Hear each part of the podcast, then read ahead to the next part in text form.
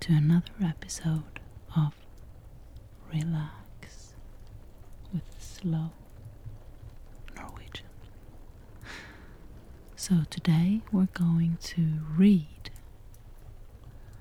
in the book called Eventyr fra jordens hjerte.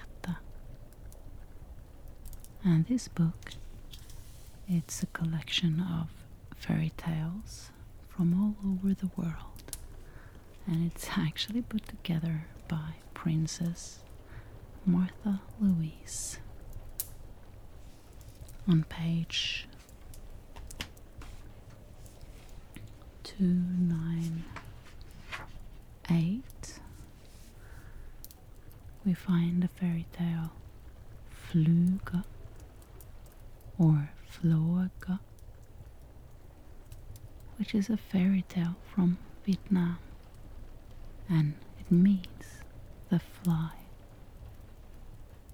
I know you guys really liked it last time Jonas, my man, was reading to you, so that's what he's going to do today as well. I hope you will enjoy it just as much as I did when I was in the room listening, and monitoring while he was reading, and all the while I spent in a computer putting this together for you. To me, he has such a calming, nice voice, and I can feel very safe when I listen to his words. I hope you will experience the same. Before I let him take over the space in your ears, I want to remind you to please find my Facebook page, Relax with the Slow Norwegian Podcast, and follow me there if you have any questions or if you have any requests or wishes. I hope to see you there. Now, enjoy. Flåga. Eventyr fra Vietnam.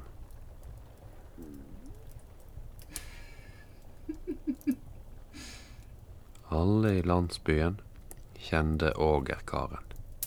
En rik og utkråpen mann. Han hadde samla seg opp en formue, og nå tok han livet med ro i et stort hus i en uhorvelig stor hage, vakta av en flokk illsinte hunder.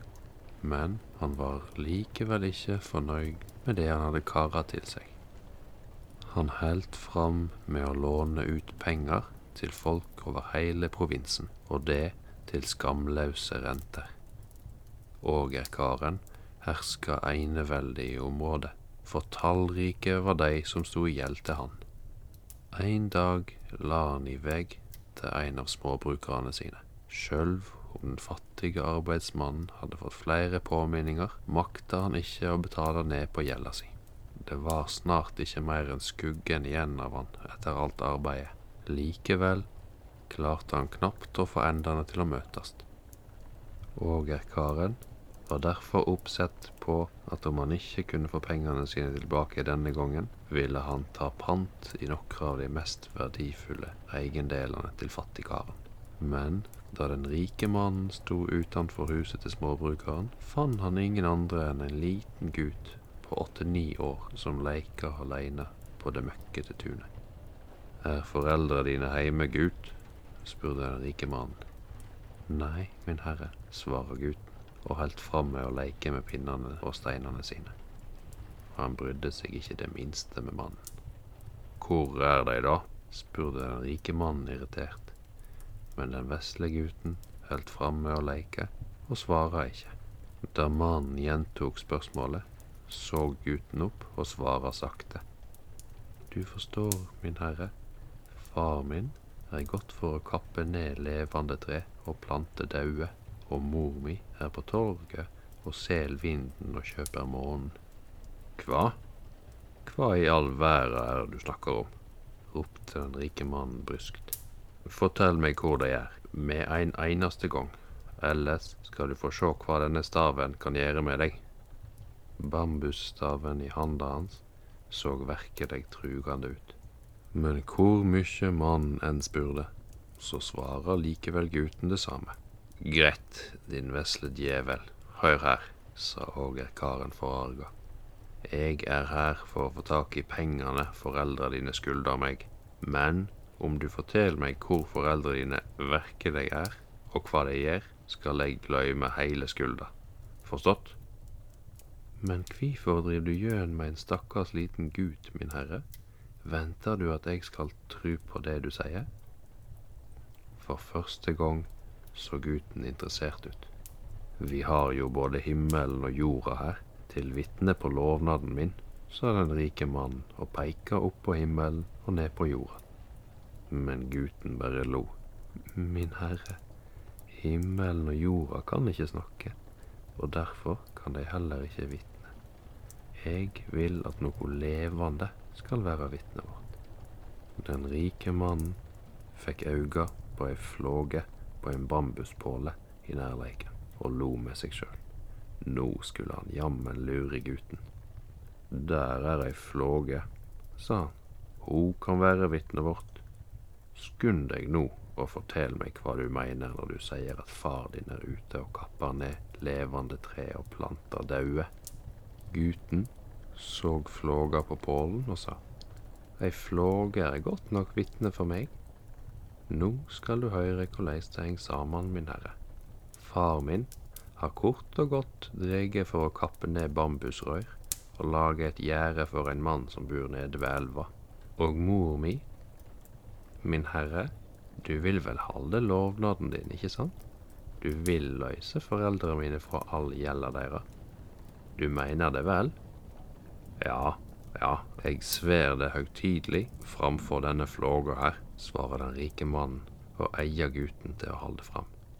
Jo, mor mi, hun har dreget til torget for å selge vifter, slik at hun kan kjøpe olje til lampene våre. Vil du ikke kalle det å selge vinden for å kjøpe månen? Den rike mannen rista på hovedet. Han måtte vedgå for seg sjøl at gutten var en smarting, men likevel, tenkte han, det vesle geniet hadde fremdeles mye å lære, ettersom han trodde at ei flåge kunne være vitne for noen som helst. Han sa farvel til gutten og fortalte at han snart ville komme og innfri lovnaden sin. Og sant nok, etter noen dager kom han tilbake. Denne gangen fant han det fattige småbrukerparet hjemme, for det var seint om kvelden. Det blei et fælt oppstyr. Den rike mannen kravde pengene sine, og den fattige småbrukeren ba om årsaking og trygla om ei ny utsetjing. Alt ståket vekte den vesle gutten, og han sprang bort til faren og sa, Far, far, du trenger ikke betale gjelda di. Denne herren her lover meg at han ville gløyme pengene du skylder han. Tull og tøys, sa den rike mannen og rista staven mot både far og sønn. Tull og tøys. Vil du stå her og høre på oppspinn fra et barn? Jeg har aldri sagt et ord til denne gutten. Nå, si meg, har du tenkt å betale eller ikke? Det ender med at hele saka blei lagt fram for mandarinen som styrte i provinsen. Den fattige småbrukeren og kona hans visste ikke hva de skulle tru, så de kunne ikke annet enn å ta sønnen med seg i retten. At den vesle gutten deres sto fast ved at den rike mannen hadde lova å løse dem fra gjelda, var det eneste som sette mot i dem. Mandarinen ba gutten fortelle nøyaktig hva som hadde hendt mellom han og pengeutlåneren, og gutten skunda seg å fortelle om forklaringene han gav den rike mannen i bytte for gjelda. Nå ja, sa mandarinen til gutten. Vi har bare ditt ord for at denne mannen faktisk har gjeve en slik lovnad. Korleis kan vi vite at du ikke har funnet på hele denne historia sjøl? I ei sak som denne trenger du et vitne, og du har ikke et eneste et.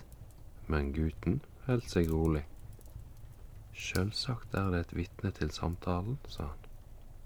Og hvem er det, Gud? Spurte mandarinen. Ei flåge, dykkar nåde. Ei flåge? Hva mener du? Pass deg, unge mann, slikt tull tolererer jeg ikke her. Det godlynte andletet til mandarinen blei brått hardt, men gutten let seg ikke stoppe. Han hoppa opp fra stolen. Ja, dykkar nåde, ei flåge, ei flåge som setter seg på nasen til denne herren. Din frekke, vesle djevel, det der er bare løgn, brølte den rike mannen. Anletet hans var som en knallrød tomat. Flåga var ikke på nasen min, hun var på pålen. Der bråstoppa han. Men det var for seint. Den majestetiske mandarinen kunne ikke hjelpe for det. Han braut ut i datter. Så sette tilhørerne i å le. Foreldra til gutten òg. Sjøl den rike mannen lo. Mandarinen la den ene handa på magen og vinka den rike mannen bort til seg med den andre. Ja vel, så er det opp og avgjort. Gode herre, du har faktisk gjeve lovnaden din til barnet. Påle eller ikke påle, når alt kjem til alt, har det hatt denne samtalen. Retten sier at du må halde lovnaden. Og så sender han alle partene heim, medan han kruklo for seg sjøl.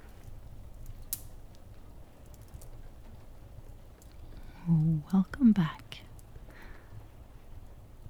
I hope you enjoyed that just as much as I did. Like I said earlier, I really liked how everybody was laughing in the end, and it turned out for the better for the little boy and his family.